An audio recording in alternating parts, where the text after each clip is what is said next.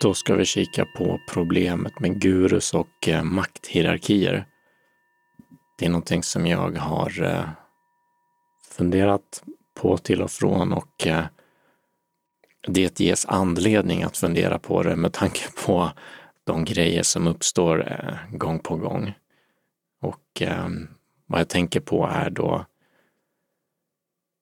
vi har haft eh, metoo-rörelsen här i Sverige och världen som har handlat om eh, sexuella trakasserier och, och, liknande på framförallt på arbetsplatser och olika ställen och eh, i olika typer av organisationer och hur det hanterats eller inte hanterats i, eh, under lång tid. Då. Det är en typ av, av problem som kan uppstå och många gånger är problemet som störst när det är en överordnad som gör någonting mot en underordnad. Flyttar man det då till den andliga världen eller spirituella organisationer så ja, då behöver man inte tänka mycket längre än eh, den katolska kyrkan som varit i minst sagt eh, blåsväder på grund av att det har eh, eh, förekommit enorma övergrepp på barn där. Av präster som är igen då i auktoritets, eh, auktoritetspersoner gentemot barnen då. Och eh, hur den organisationen hanterat det har också blivit ämne för diskussion. Eh, så som jag förstår i alla fall så har kyrkan valt att eh, inte försöka eh, göra någonting åt eh, pedofilin genom att anmäla prästerna eller att utesluta dem ur församling eller göra den typen av ska man säga, förväntade samhällsinsatser när något sådant förekommer. Utan istället så har de skyddat prästerna genom att flytta på dem från, från där de är och sätta dem någon annanstans när det kommer in massa anklagelser från, från barn och föräldrar. Eller kollegor för den delen, så flyttar de på dem och sen så har de flyttat runt dem många gånger som jag förstår så att eh, det blir en annan stat och att preskriptionstiden går ut och sådana saker. Och det har de haft koll på då. Vilket är ja, så fruktansvärt som det låter och eh, det har ju bara kommit eh, fram på grund av enorma rättsprocesser som, som till slut har ja, kommit till, eller man ska säga, efter, eh, det är såklart inget nytt fenomen, utan har förekommit i alla år och troligen säkert mycket mindre idag, men idag så är vi dels medvetna om att det är fel och eh, folk säger att, säger att det händer och eh, till slut ackumuleras så pass mycket att det blir fällande domar. Men det har varit en lång resa kan man säga, århundraden skulle man kunna säga till och med, vad gäller katolska kyrkan och det är såklart inte bara katolska kyrkan utan det förekommer i alla typer av organisationer och sånt. Ehm, scouterna var en sådan som också var ehm, i i ljuset på grund av samma sak och nu betala, behöver tror jag, betala enorma skadestånd för det och kanske går i konkurs till och med. Och det är ju bra. Inte att de går i konkurs, men att det kommer fram och eh, att rättvisa skipas. Och att de här barnen får upprättelse. Och i metoo då så handlar det om eh, kvinnor framförallt då som, som får upprättelse vad gäller eller kanske inte får upprättelse, men uppmärksammar att det här förekommer och eh, att det görs väldigt lite åt det. Som när någon kändis eh, på TV4 gör någonting så skyddar programledningen den personen eller om det är någon ja, någon, något annat högdjur eller så, så tenderar vi att inte lyssna på offren, utan istället så ehm, den som pengakalven då, den som tjänar pengar blir den som skyddas, eller om det är chefen eller om det är ehm, Harvey Weinstein som har enormt med makt och folk är rädda för honom och därför skyddar och ehm, köper hans, ja, han köper sig fri med sådana här NDEs, va? Nej, inte eh,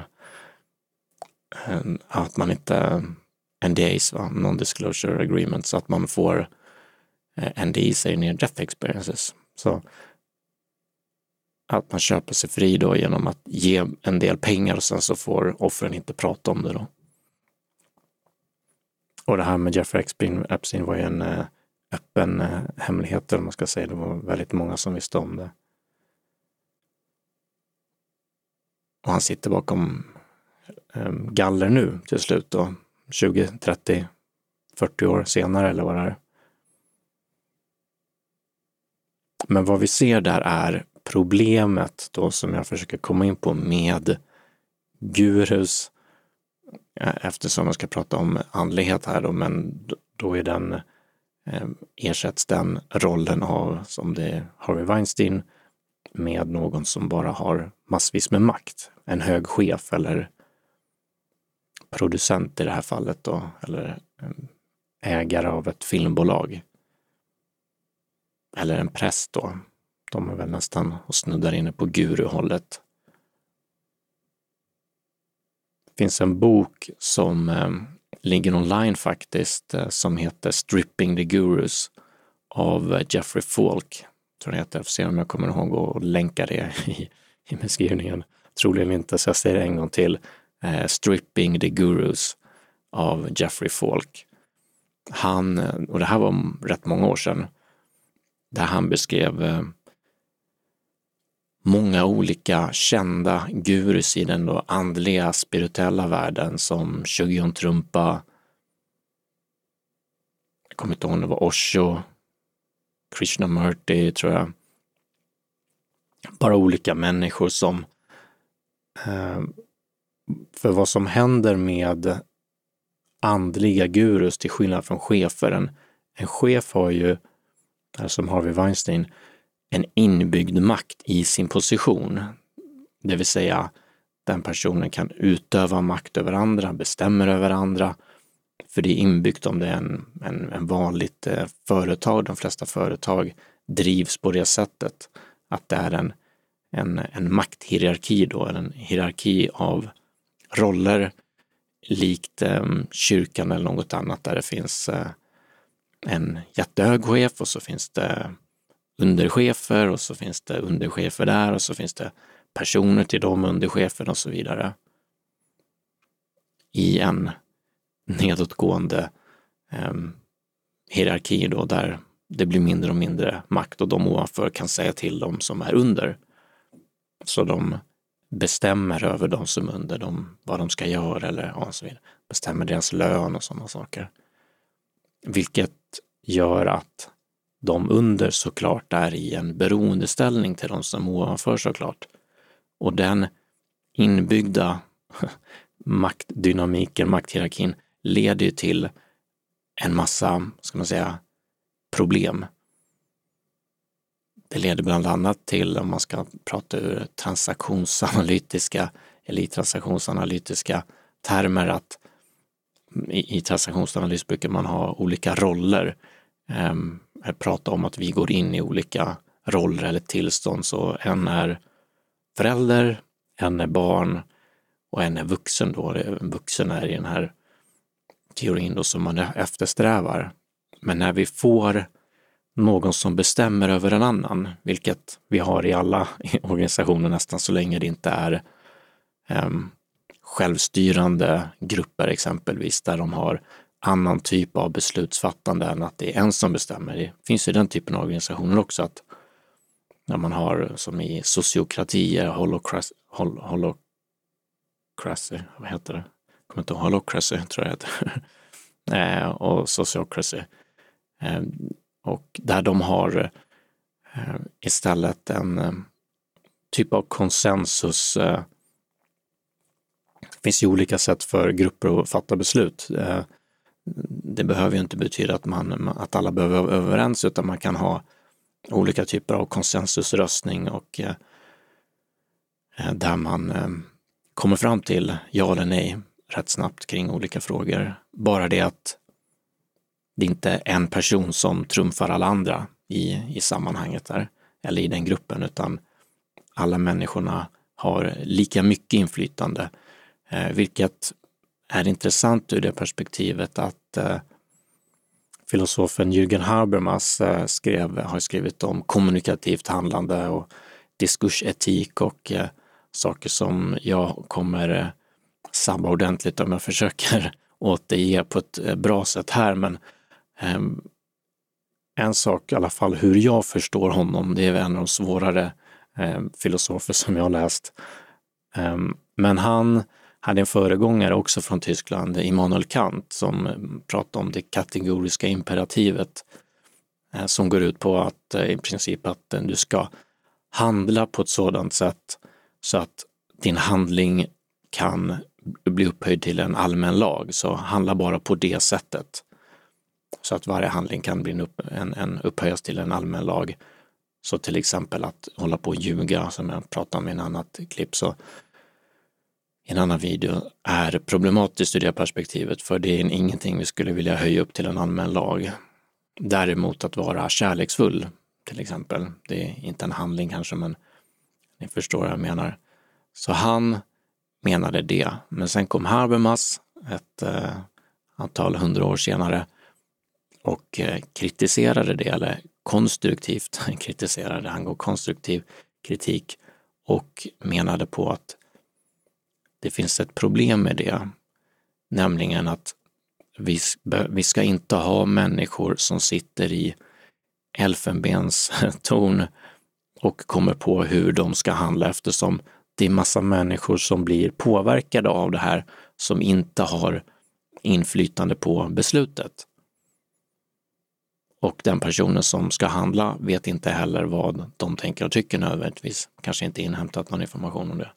I alla fall så säger Habermas att vad i alla fall vad gäller etik och etiska spörsmål så bör vi skapa ett um, vi bör handla på ett sådant sätt så att eh, de som berörs av handlingen också, väldigt enkelt uttryckt, är med på det. Så att de är inspelade på beslutet och de är överens om det.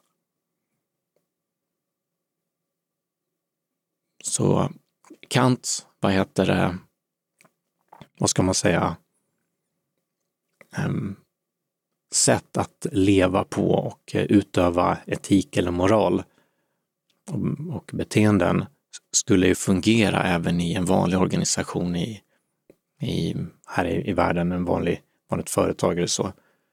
För där har chefer, om vi tar dem, då kan de eh, agera även fast besluten påverkar andra, bara de har tänkt till ungefär. Men här Habermas menar att vi bör, in, bör ingå i vad han kallar för en diskursetik då.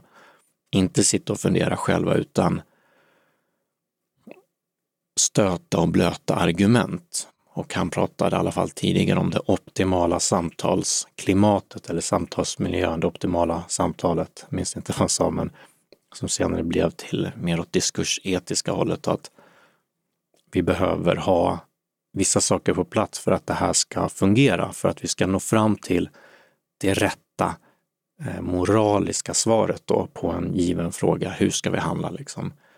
eller om det skulle vara ett företag eller en andlig organisation, så hur ska vi, vilken väg ska vi ta? Hur ska vi hantera de här eh, anklagelserna om, om trakasserier till exempel?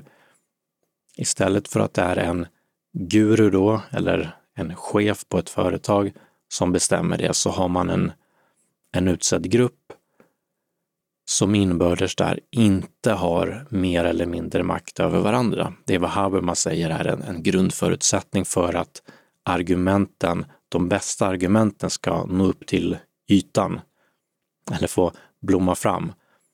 För om vi har den här ojämna maktbalansen, då så, om det är någon som är under någon annan, någon annan över, då kommer den som är under inte kunna säga det den vill, för den är beroende av den ovanför. Så den, eh, den ovanförs argument är mer värda, inte i egenskap av att de är bättre, utan för att personen i sin roll eh, är mer värd och det, de argumenten blir genom det mer värda. Och det tycker vi ju, det är så uppenbart såklart att det inte är rätt, utan argument ska ju vara fristående, vem det är som säger dem och vägas på sin egen grund. Men så blir det såklart inte om det är en maktobalans i, i gruppen. När vissa kanske, andra saker kan vara att vissa pratar mycket mer så då måste ordet vara relativt jämnt fördelat. Eh, det får inte vara saker som man inte får säga på grund av någon normer eller sådant. Och ingens eh, åsikt får vara mer liksom a priori värd än någon annans.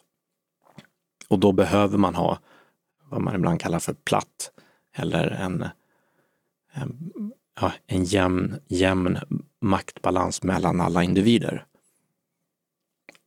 Och det är enda sättet, menar Habermas, på att få fram det bästa argumentet om vi har de förutsättningarna. Om, vi, om det är snett, som sagt, om det är snedfördelat, då kommer inte de bästa komma upp till ytan för då trumfar eh, andra argument och som sagt a priori mindre eh, värda personer i egenskap av sin roll då, men inte på grund av det de säger.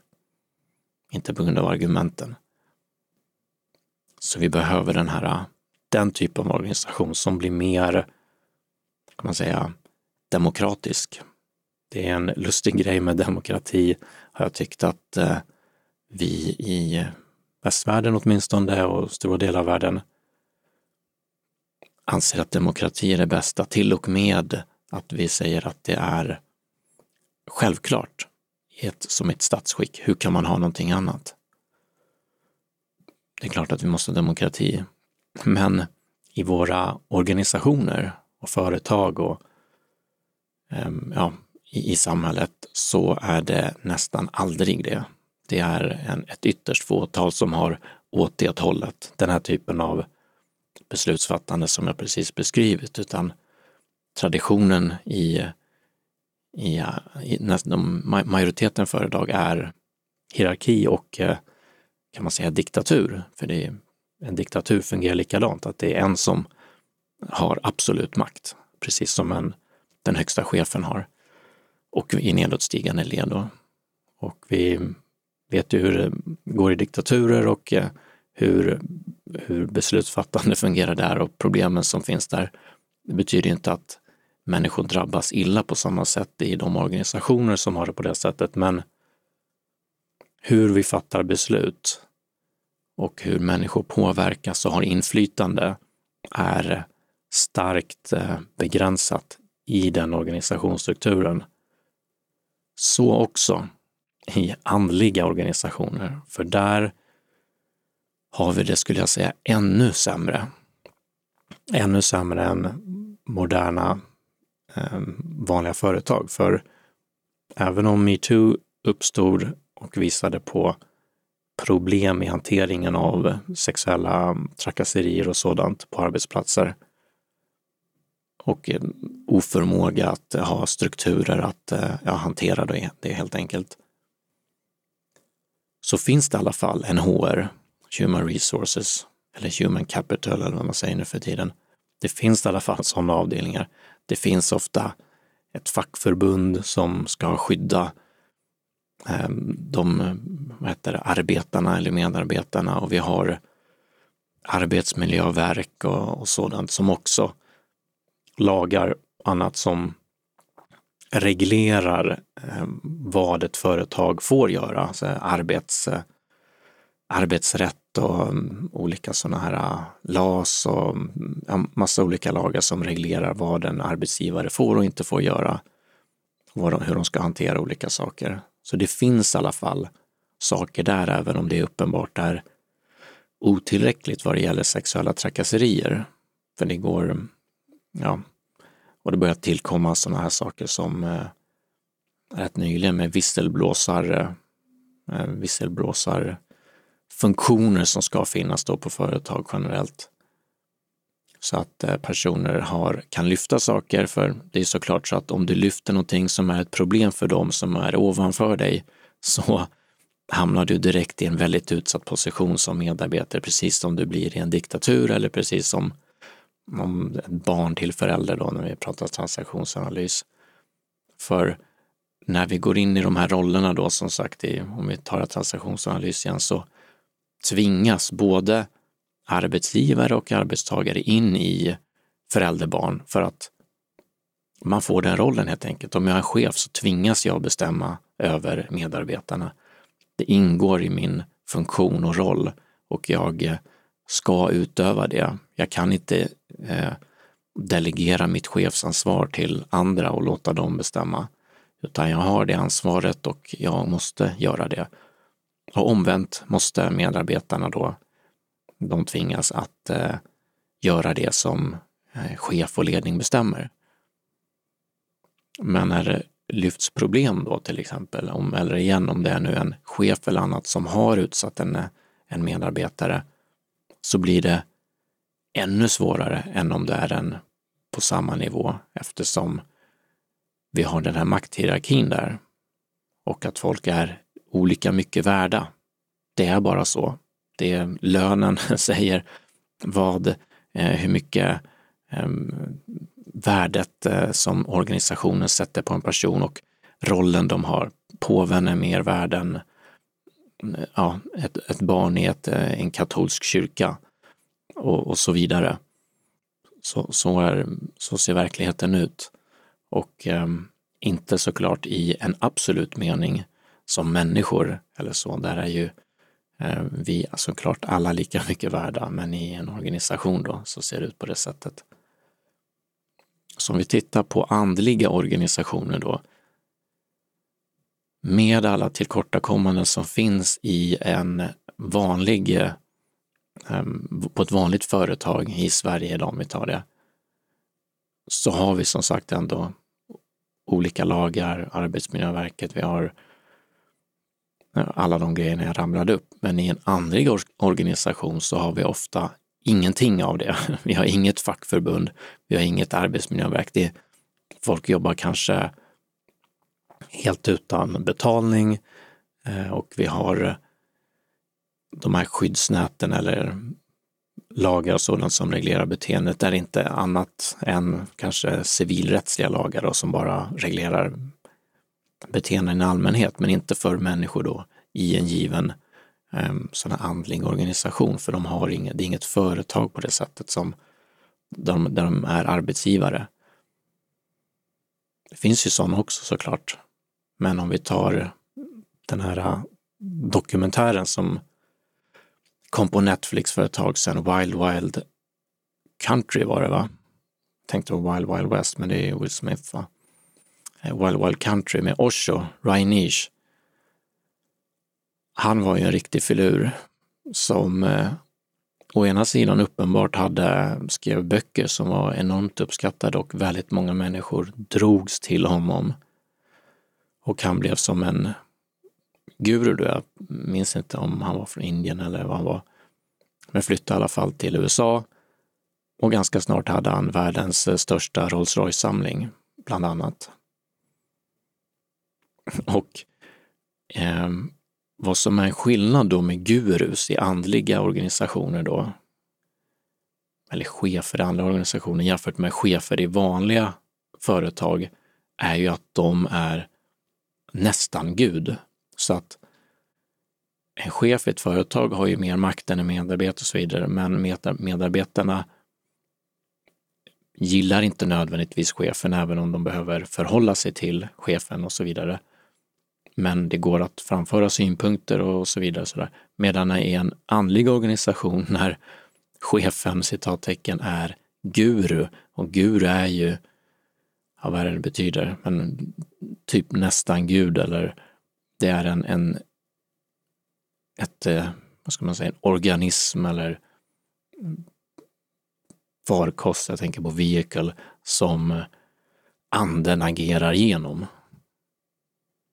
Och allt det den gör är gudshandlingar i princip. Och jag förstår inte. Vi har vad man ibland kallar för crazy wisdom. Jag minns att Alia Shanti sa att eh, relatera relaterat till crazy wisdom att eh, många gånger är det nog mer crazy than it is wise. Crazy wisdom syftar till att eh, sådant som eh, Shogyam Trungpa sades sa exempelvis att vi har någon typ av, eh, vi gör till synes galna saker.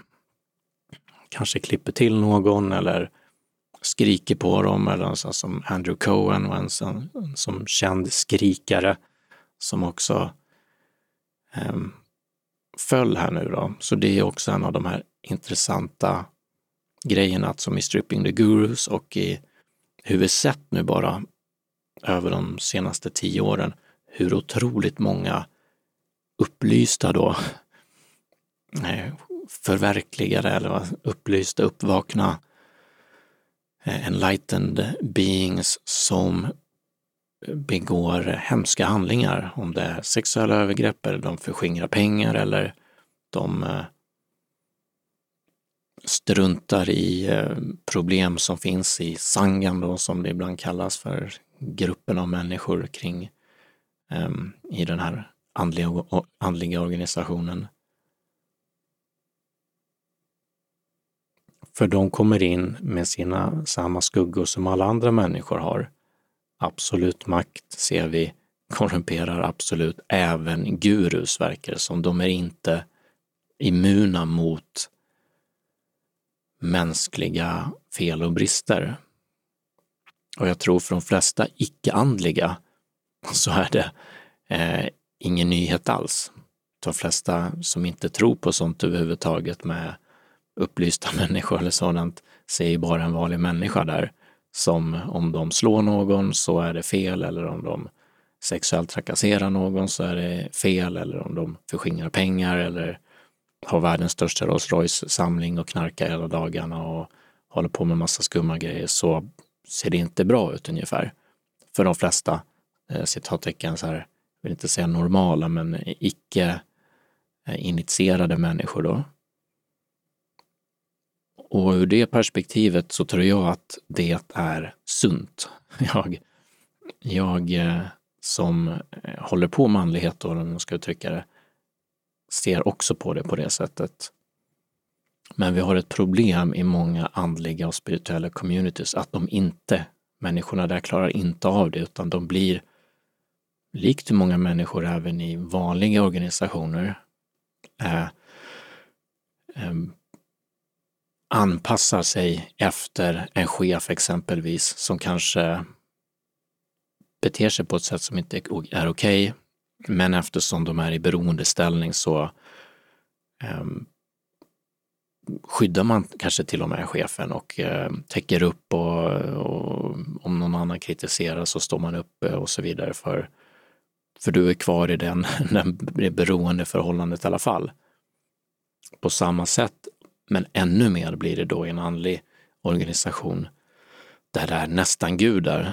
Så om det vi har det här kända fallet i Sverige med Kristi brud och eh, Knutby, pastorn där och allt som händer där, det är i princip samma sak skulle jag säga som med Osho och många andra andliga organisationer. Att det är människor som blir upphöjda till skyarna, ofta väldigt, eh, vad säger man, eh, karismatiska människor. Man kan söka på hon eh, jag har glömt vad hon heter, men den här eh, hon som skulle gifta sig med Jesus, eller vad det var. Där verkar hon i alla fall, hon ter sig karismatisk tycker jag. Och många har också lite, eller kanske inte lite, men åt lite narcissistiska eller psykopatiska till och med drag.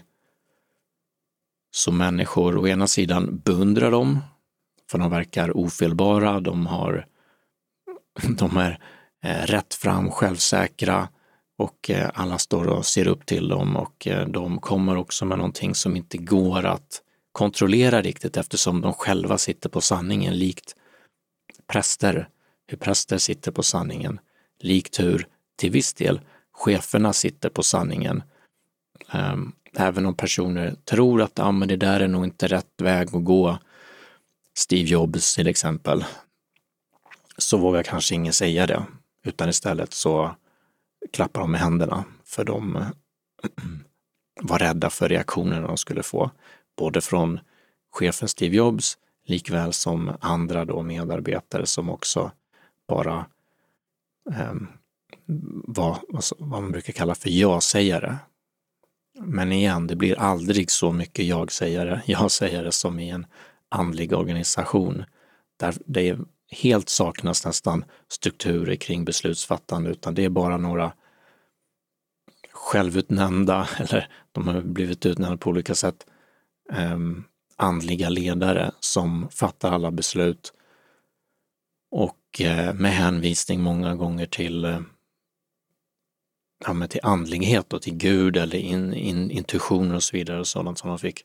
Som å ena sidan såklart var, kan vara sanna, men som Habermas säger, om de inte kan utsättas för en praktisk diskurs, liksom att vi har en diskussion kring det.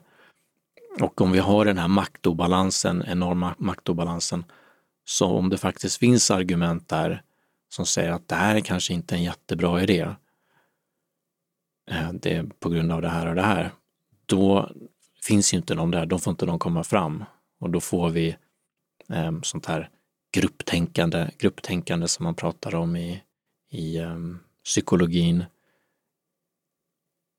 Och vi använder inte vad man kan kalla för den kollektiva intelligensen som är då beroende av att vi eh, kan ha ett samtal, ett jämnt, eh, jämlikt samtal kring sakfrågan. Och som sagt, i andliga spirituella traditioner är, är den obalansen som störst. Och då får vi de här andliga ledarna som, är, eh, som blir maktfullkomliga, inte bara av att de är dårar, eller man ska säga, även om många som söker den rollen nog har en del sådana, sådana karaktärsdrag, likt hur vi sett att eh, jag tror många chefer, sina 500, vad heter det, ja, stora företag i USA ligger längre ut på den psykopatiska och narcissistiska skalan än, än genomsnittsmänniskan, vilket såklart inte är konstigt för då vill man vara i centrum, man vill ha eh, makt och, och, så vidare mer än genomsnittsmänniskan och då den typen av karaktärsdrag stämmer bättre överens med det. Det är just en liten, det är en minoritet människor som är psykopater såklart, som är chefer, så det, och det är inte att chefer är psykopater, mm, verkligen inte. Det finns massvis med eh, överlägsna majoriteten är ju helt vanliga människor. Men när man får den rollen så tvingas man att, att ehm, ja, som sagt, man tvingas in i bestämma över andra. Och i de här andliga, andliga organisationerna, när vi inte har någon, eh, när det inte regleras på något sätt,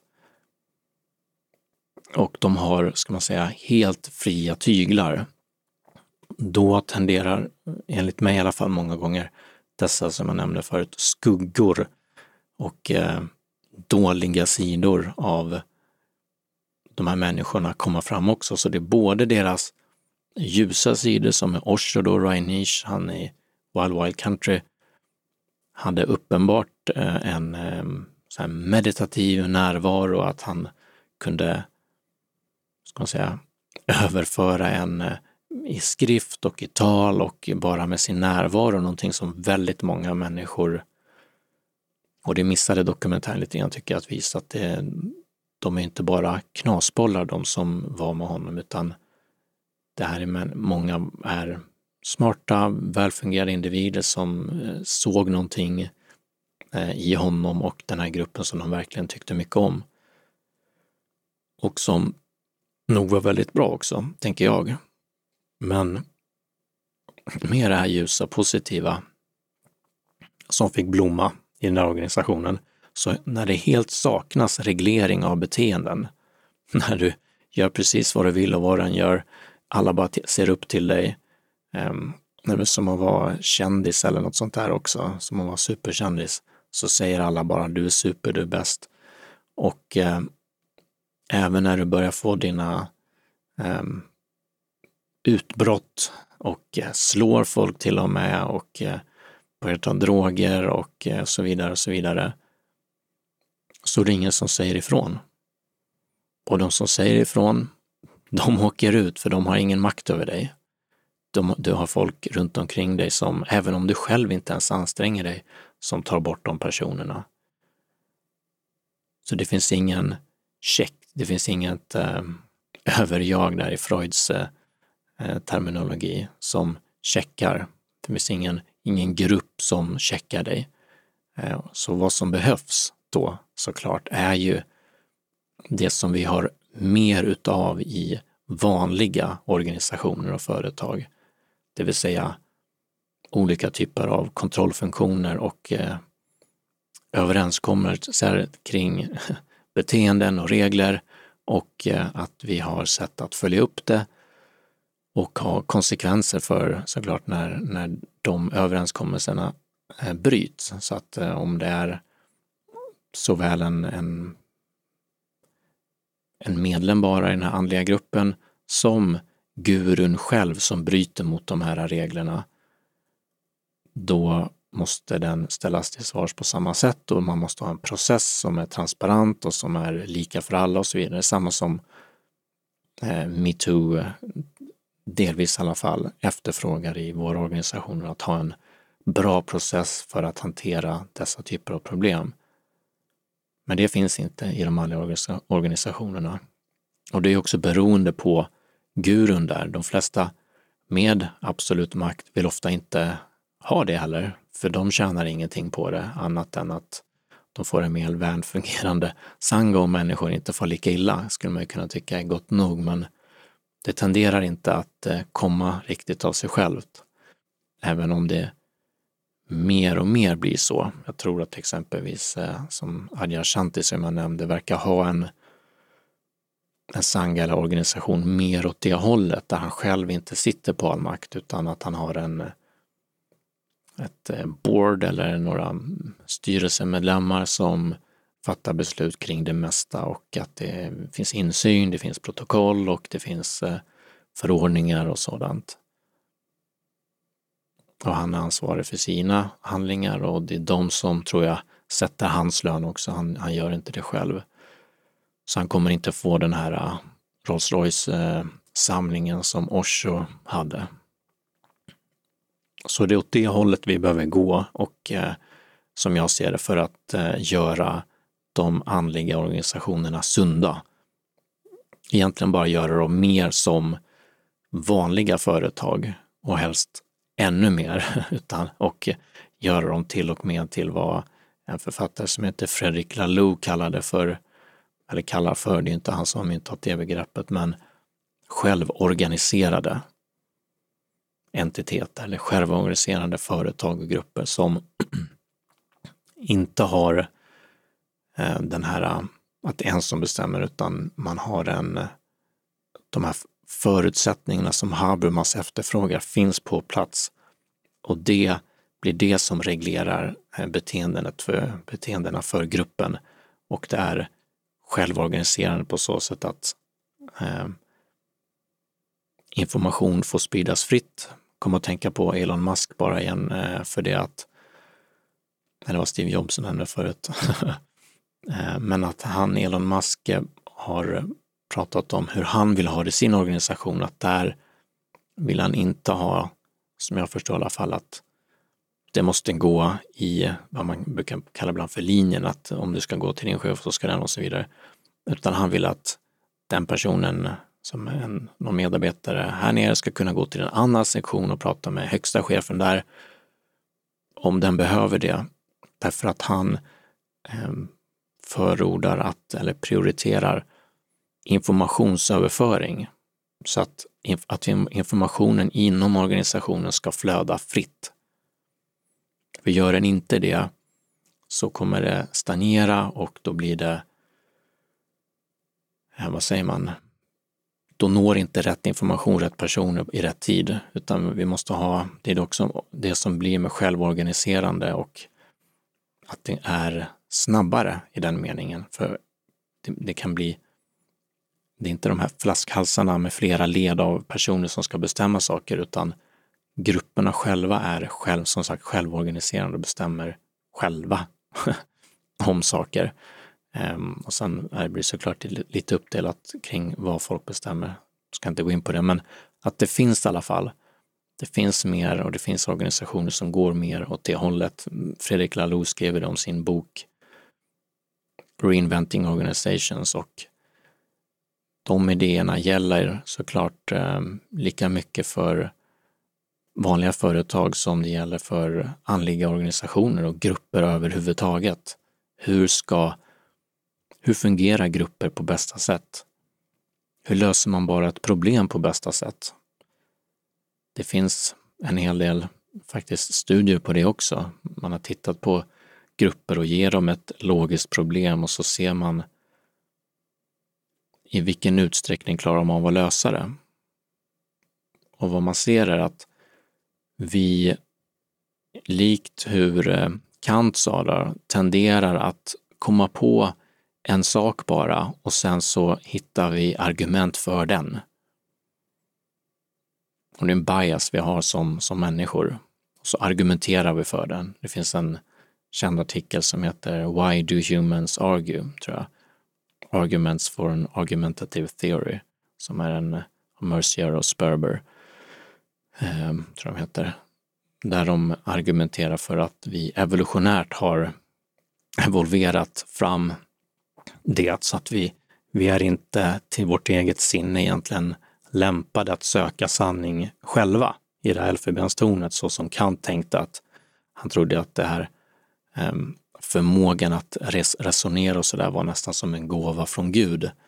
Och, eh, och det är ju otroligt att vi kan göra det, men vad vi ser i kognitionsvetenskapen och kognitionsforskningen är att vi är vi har väldigt många biases som konfirmationsbiasen så vi eh, läser, eh, eh, vad ska, vad ska man säga, vi läser saker och vi tar till oss saker som stämmer överens med våra egna hållna åsikter. Typ så som man hör alla politiker prata hela tiden. Så är vi alla i olika utsträckning och det är så vi är till vår natur.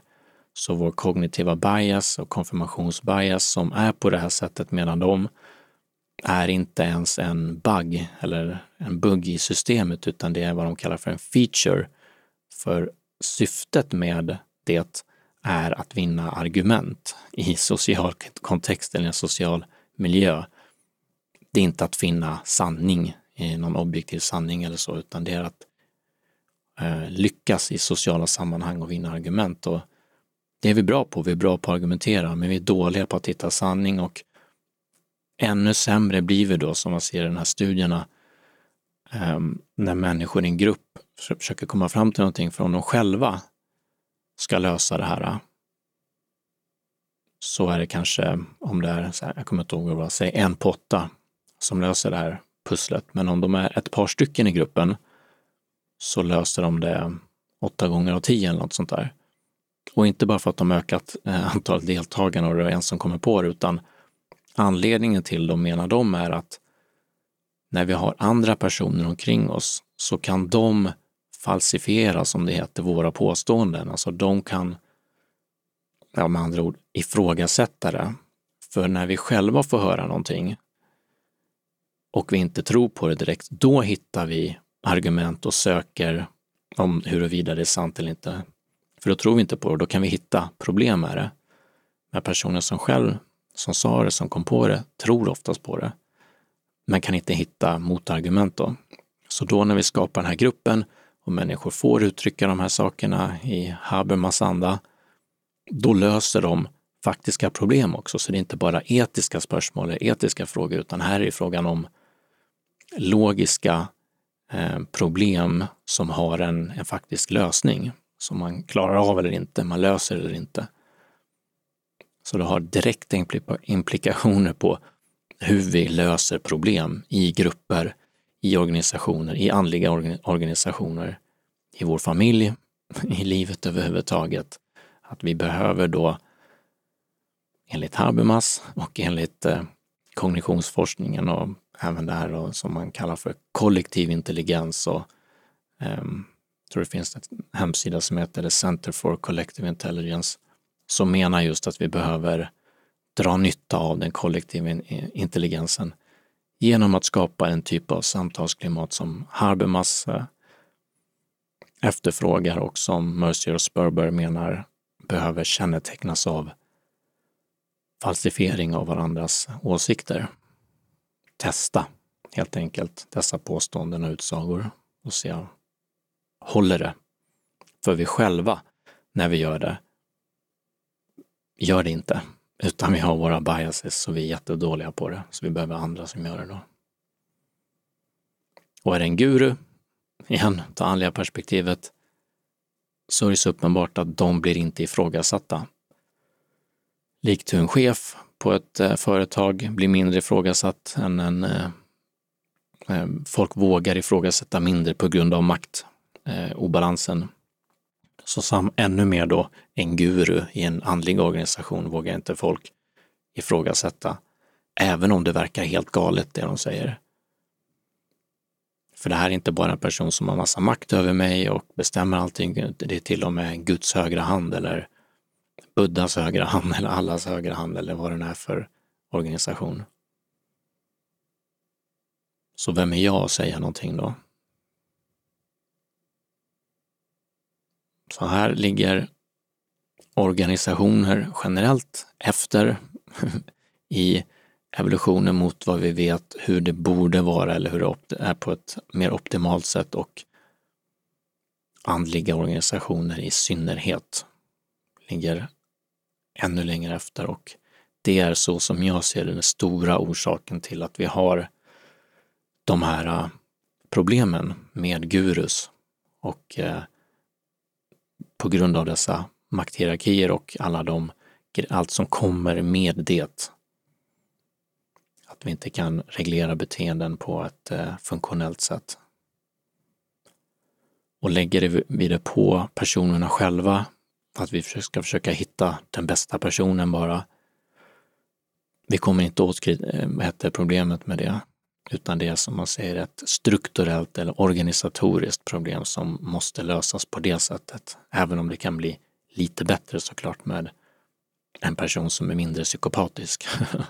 det, så är det, men eh, i det stora hela så är det likt hur lagar behövs i ett samhälle och eh, funktioner som ser till att de efterföljs och eh, att vi är lika inför de lagarna och så vidare så behövs det samma typer av eh, beteende regleringar i andliga organisationer.